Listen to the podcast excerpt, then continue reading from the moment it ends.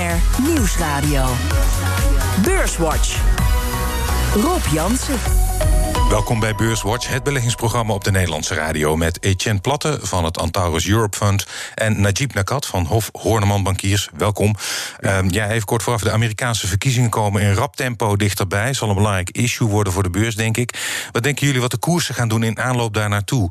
Um, meer onzekerheid oplopen, dalen? Wat denk jij, Etienne? Ik denk dat er wat meer onzekerheid komt, meer volatiliteit. Je ziet het de afgelopen week ook al. Dus ik denk wel dat het vuurwerk gaat worden de komende maanden. Vuurwerk, Najib?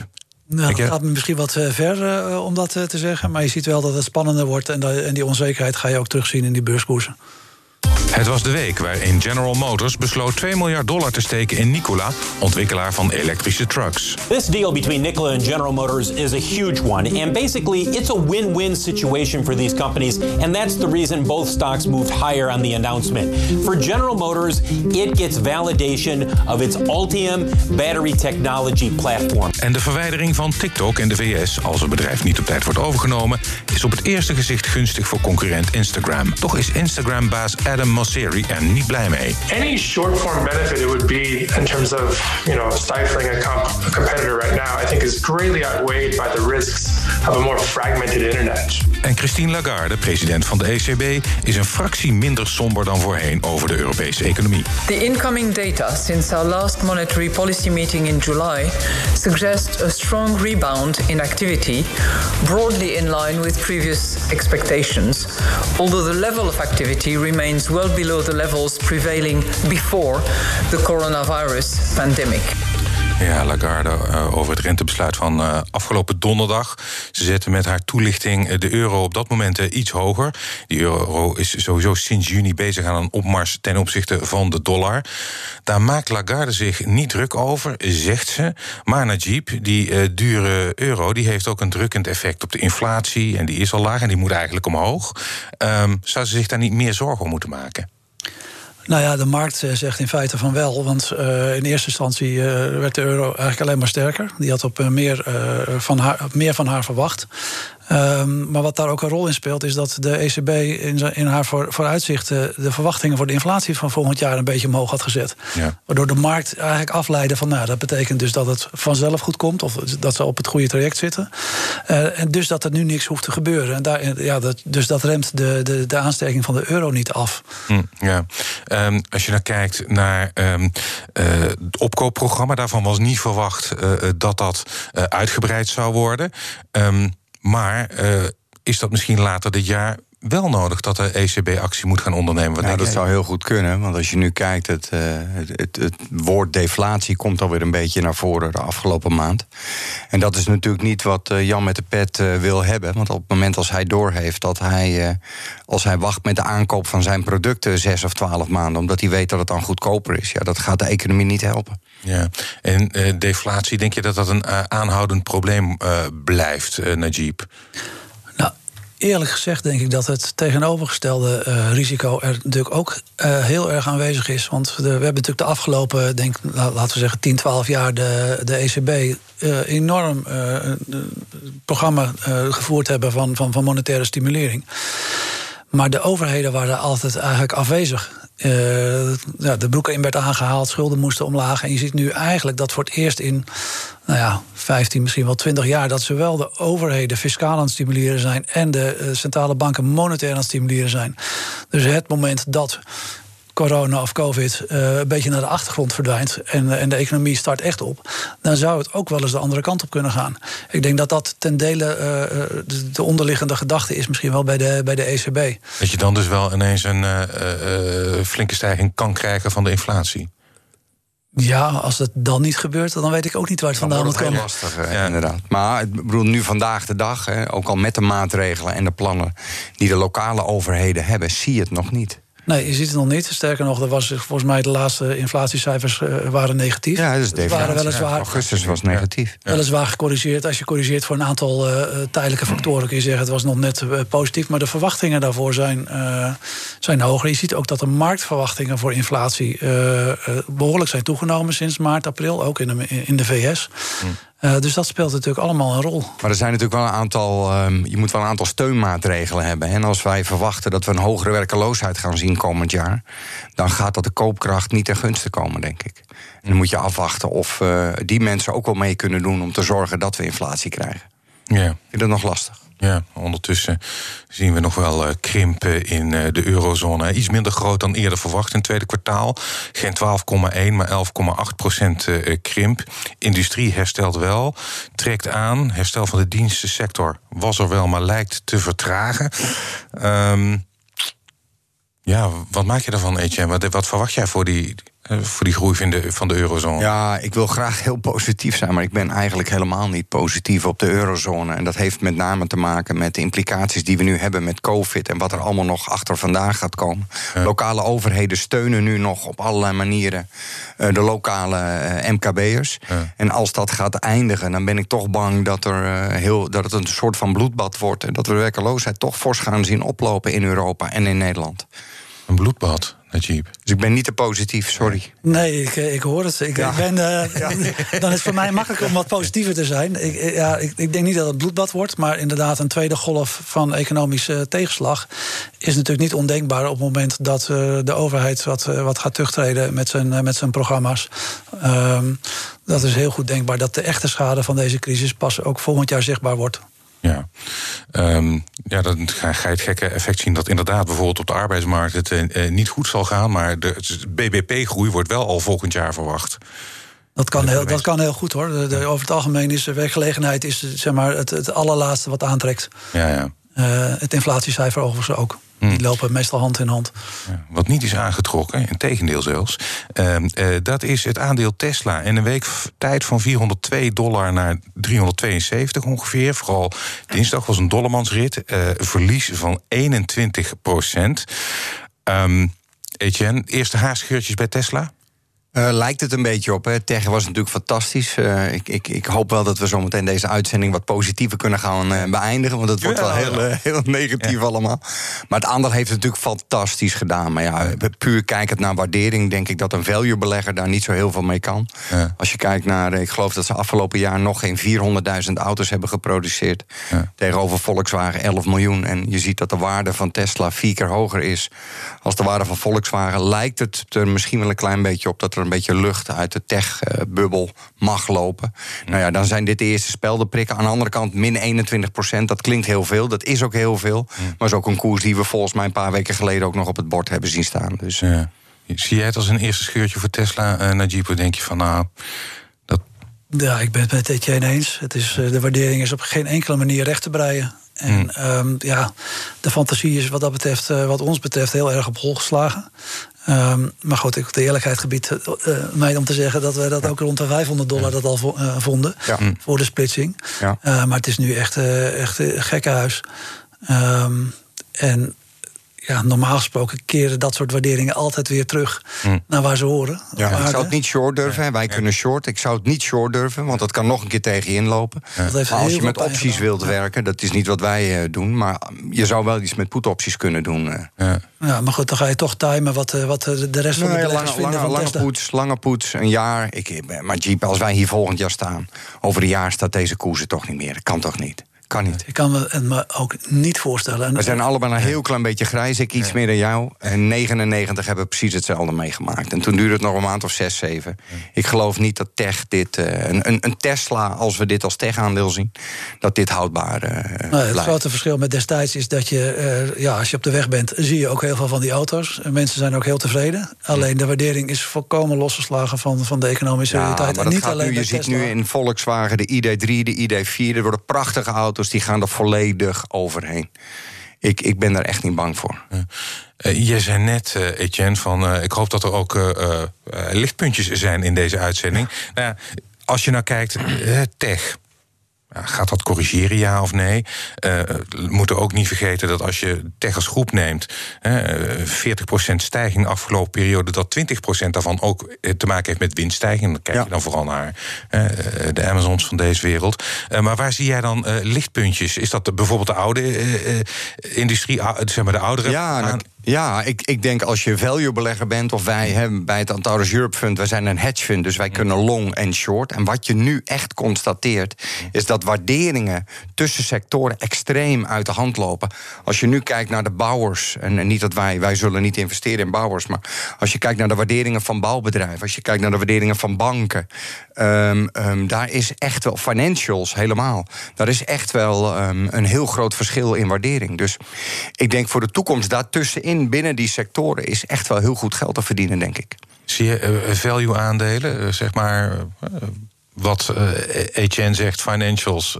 zie je daar groeien in de komende nou, ik hoop periode. het ook, want op zich, uh, als het goed gaat met de banken, dat geeft ook al aan dat, het, dat de economie een stuk beter gaat. Mm. Uh, en misschien ook wel met de rentestanden, want die negatieve rente is natuurlijk uh, verschrikkelijk. Een uitgestelde dividende, hè, dat wordt ja. natuurlijk in het, in, in het nieuwe jaar wordt dat hopelijk ook weer betaald. Ja, dat speelt ook een rol. Verzekeraars hebben al voor een deel kunnen inhalen. Maar banken hebben natuurlijk echt te maken met portefeuilles van slechte leningen. Ja. En hoe slecht ze zullen worden of misschien uh, gaat het weer wat beter met die, met, met die wanbetalers. Dat is natuurlijk nog heel onzeker en daarom mogen ze dat niet uitkeren. Maar je ziet wat uh, de, de, reden waarom Tech het zo, zo goed gedaan heeft, heeft waarschijnlijk te maken met het feit dat het toch als een soort veilige haven gezien wordt. Hmm. Winstontwikkeling of winstverwachtingen zijn minimaal hetzelfde gebleven, in sommige gevallen uh, omhoog gezet. Hmm. Um, de rest van de wereld heeft het gewoon moeilijk. Etienne, vroeger een veilige haven, Shell. Uh, ja.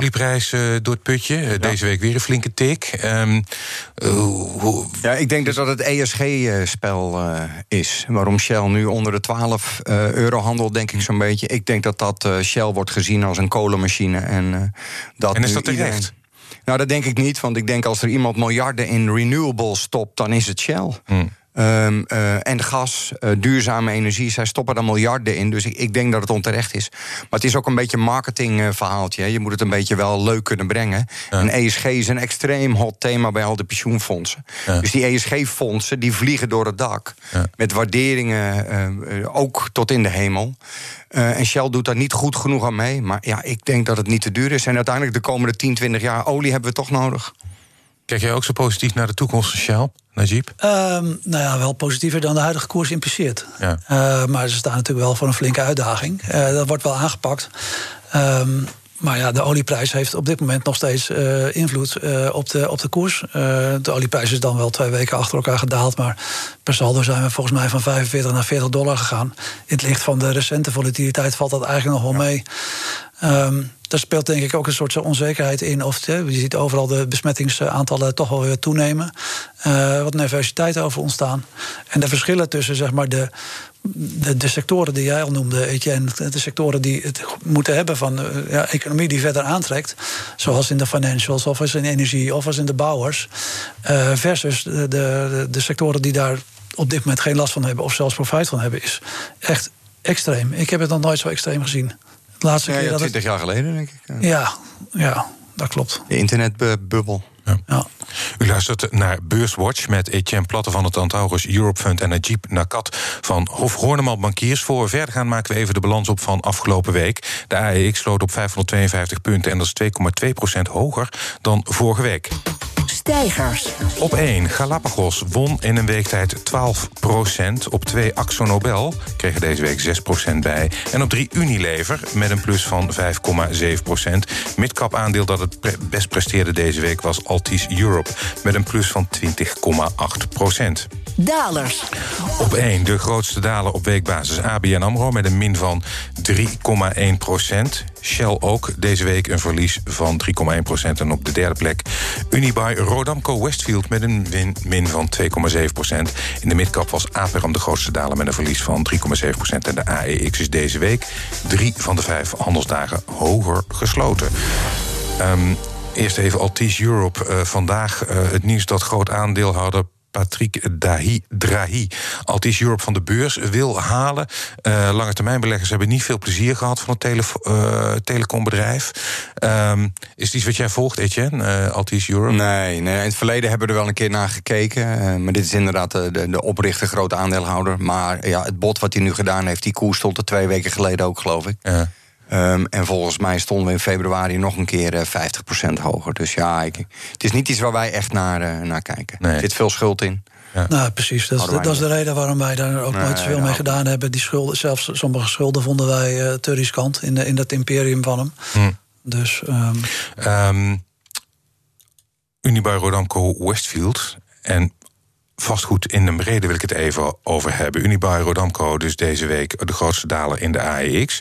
Maar ook, als je kijkt vanaf begin dit jaar... is het bedrijf meer dan 70% van zijn waarde verloren.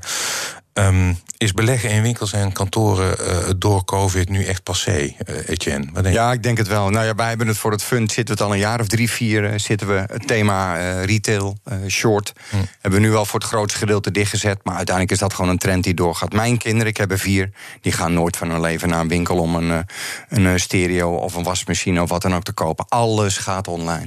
Dus ik denk dat dat uiteindelijk, zoals het 70 jaar geleden waren, winkeltjes, woningen. En nu gaat het weer de andere kant op. Dus winkels worden inderdaad gewoon weer woningen. Dat is mijn gedachte. Over het retail vastgoed. Woningen zullen altijd blijven.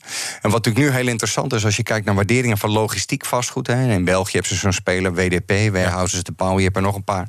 Ja, uiteindelijk dat hele logistieke vastgoed, wat nog steeds duur en hoog gewaardeerd is, omdat klanten denken: ik krijg 4% eh, dividendrendement. Uiteindelijk is het niks anders als een stuk weiland langs de snelweg waar je loods op zet. Bol.com uh, zet daar zijn pakketjes neer. En dat is alles. Ja, daar, hoef je geen wiskunde voor te studeren. Het is geen ASML. Dus wij denken ook dat zelfs dat logistieke vastgoed nog een hele grote kanaal gaat krijgen de komende jaren op waarderingsgebied, omdat het heel makkelijk kopieerbaar is. Wat denk jij, Najib? Ja, wat het, logistieke vastgoed betreft eh, zijn we het eens. het is vrij makkelijk om zo'n doos neer te zetten. Constructiekosten zijn relatief laag. Um, dus dat nodigt, zeker met die hoge waardering, nodigt dat dat dus veel concurrentie uit. Um, dus dat zien wij ook wel gebeuren. Winkelvastgoed en ook woningen, dat is natuurlijk een hele interessante discussie nu. En, en kantoren ook, hè, want hoe gaat de toekomst eruit zien? Uh, zijn de, de, ja, de, de, de, binnensteden zijn die nog uh, van belang in de toekomst? Gaat iedereen op het platteland zitten? Nou, dat zie ik gewoon echt niet gebeuren. Er gaat ook echt nog wel gewinkeld worden, Etienne. Ik heb toevallig ook vier keer. Door jou en door mij. Ja. Uh, maar, de jongste uh, die is nog uh, vaak te vinden in het, uh, in het lokale stadshart. En die vindt dat ook heel leuk. En je ziet ook dat de ontwikkeling, zeg maar, wat er aangeboden wordt, dat het veel meer op experiences geënt is. Dus het, zeg maar, op een aantal kernlocaties zal er nog steeds aanwezigheid nodig zijn, denken wij. Uh, maar, niet, maar dat... ik denk niet zoveel, want Unibail Rodamco is eigenlijk de speler. Hè. Tien jaar geleden hier Stadshart Amstelveen. Zij begonnen daar al mee met het fun shopping. Hè. Ja. Maar ik denk toch, als je ziet naar het voetvol, naar de traffic in die shoppingcenter, je ziet het alleen maar afnemen. Ja, de trend is, eh, de trend is wel eh, naar online natuurlijk nog steeds. En ja. dat is versneld door de recente ontwikkelingen. Nou ja, dat is het hele verhaal. Ja. We moeten het hebben over General Motors en Nikola. Ja, weer zo'n leuk onderwerp. Ja, General Motors uh, heeft uh, Nikola, voor degene die het niet kent, uh, ontwerpt een elektrische truck, eigenlijk een concurrent van Tesla's Cybertruck, krijgt, uh, gaat samenwerken met General Motors. Die geeft, steekt daar omgerekend 2 miljard dollar in voor een belang van 11 procent. Um, en wat blijkt nu, Etienne? Uh, Nicola zou, uh, wordt uh, beticht door een hedgefonds van fraude, van bedrog. Nou, dat is eigenlijk een, het is een researchbureau, Hindenburg Research. En inderdaad nemen ook posities, hebben ook posities ingenomen. En dat rapport is gisteren uitgekomen. Ja, en als je dat leest, ja, dat is gewoon het nieuwe, een, een prachtig jongensboek. Het is volgens mij het nieuwe Wirecard. En, en we kunnen er nog wel een aantal noemen. Um, als je dat leest, dan denk je dat dit gewoon uh, uh, heel interessant gaat worden de komende, komende periode. En dat het één grote scam is. Ja. Dus ik ben heel benieuwd. Ik ben echt heel benieuwd. Heb jij het ook gevolgd? Ja, eh, ik heb het ook gevolgd. Eh, sowieso was de waardering eh, niet te rijmen natuurlijk. Nee, Twee jaar geleden hebben ze geld opgehaald op een waardering van 1 miljard. Mm. IPO op 4 miljard en zijn nu 18 miljard waard toen ze de deal deden. Mm. En de eerste trucks, 6000 stuks, zouden in 2023 pas van de band rollen. Dus dat valt al niet helemaal te, te, rijmen voor ons. Maar dan vervolgens blijkt dat het een, een, een, soort luchtballon is. Ja, dat Hindenburg Research, dat is natuurlijk, die naam komt van die, die luchtballon die zeg maar, in vlammen neerstortte. En dit zou natuurlijk bij Nicolai heel goed kunnen gebeuren. Maar dan heeft General Motors misschien wel een enorm probleem. Ja, dat hangt er vanaf. Ik, ik weet niet goed hoe de deal in elkaar zit. He, die 2 miljard eh, die ze betaald hebben voor die 11% dat kan natuurlijk op allerlei verschillende manieren. Dat hoeft niet per se in cash uh, te zijn. Dat kan ook met, met, met andere. Uh, ja, ze brachten ook technologie en zo ja, ik denk dat dat in, de, in de joint venture. Ja, maar goed, maakt wel de waarde ja, voor de particulieren. Al die mensen die met Robin Hood en hier in Nederland bij de Bink en de Giro hun abonnementje hebben, ja, die, die handelen daarop.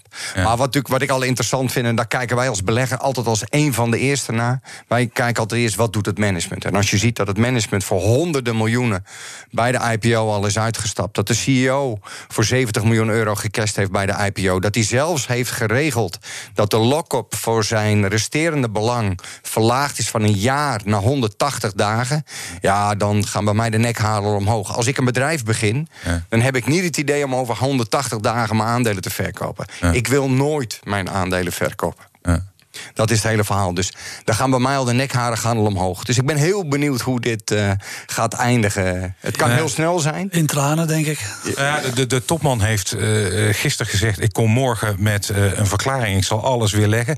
Die is inhoudelijk niet gekomen. En het aandeel Nicola staat op dit moment 15,6 procent in de min. Bij Wirecard kwamen ze ook twee jaar lang met verklaringen. Hè? Ja. Dus het kan nog even duren. Ja. Heel benieuwd zijn alweer uh, aan het einde van de uitzending. En dat betekent dat uh, jullie je tip mogen geven waar onze luisteraar met smacht op zit te wachten. Najib, wat is jouw tip voor de luisteraar?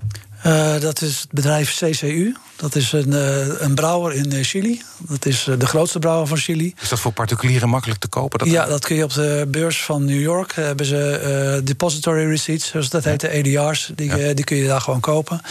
het bedrijf is voor 60% in handen van Heineken en, een, en hun joint venture partner. En het is de leidende speler. En die hebben een behoorlijke koerstik gehad. niet van COVID, maar van allerlei devaluaties die op het, zeg maar, het, het Zuid-Amerikaanse continent hebben plaatsgevonden het afgelopen jaar. En COVID heeft nog een extra duwtje gegeven. Um, goede marktpositie, onderliggende de laatste jaren uh, best wel goed uh, geperformd. En uh, ja, staat op ongeveer de helft van waar, je het, waar je ongeveer anderhalf jaar geleden voor kon kopen. CCU. CCU. CCU. Etienne. Ja, ja ik, ik, wij zijn altijd lange termijn beleggers. Maar ik denk, vind het ook wel eens leuk om een keer een, een aandeel te noemen... waar we wat, uh, op kortere termijn uh, wat meer van verwachten. Dus niet over twee of drie jaar. En dat is het Nederlandse aandeel SIF.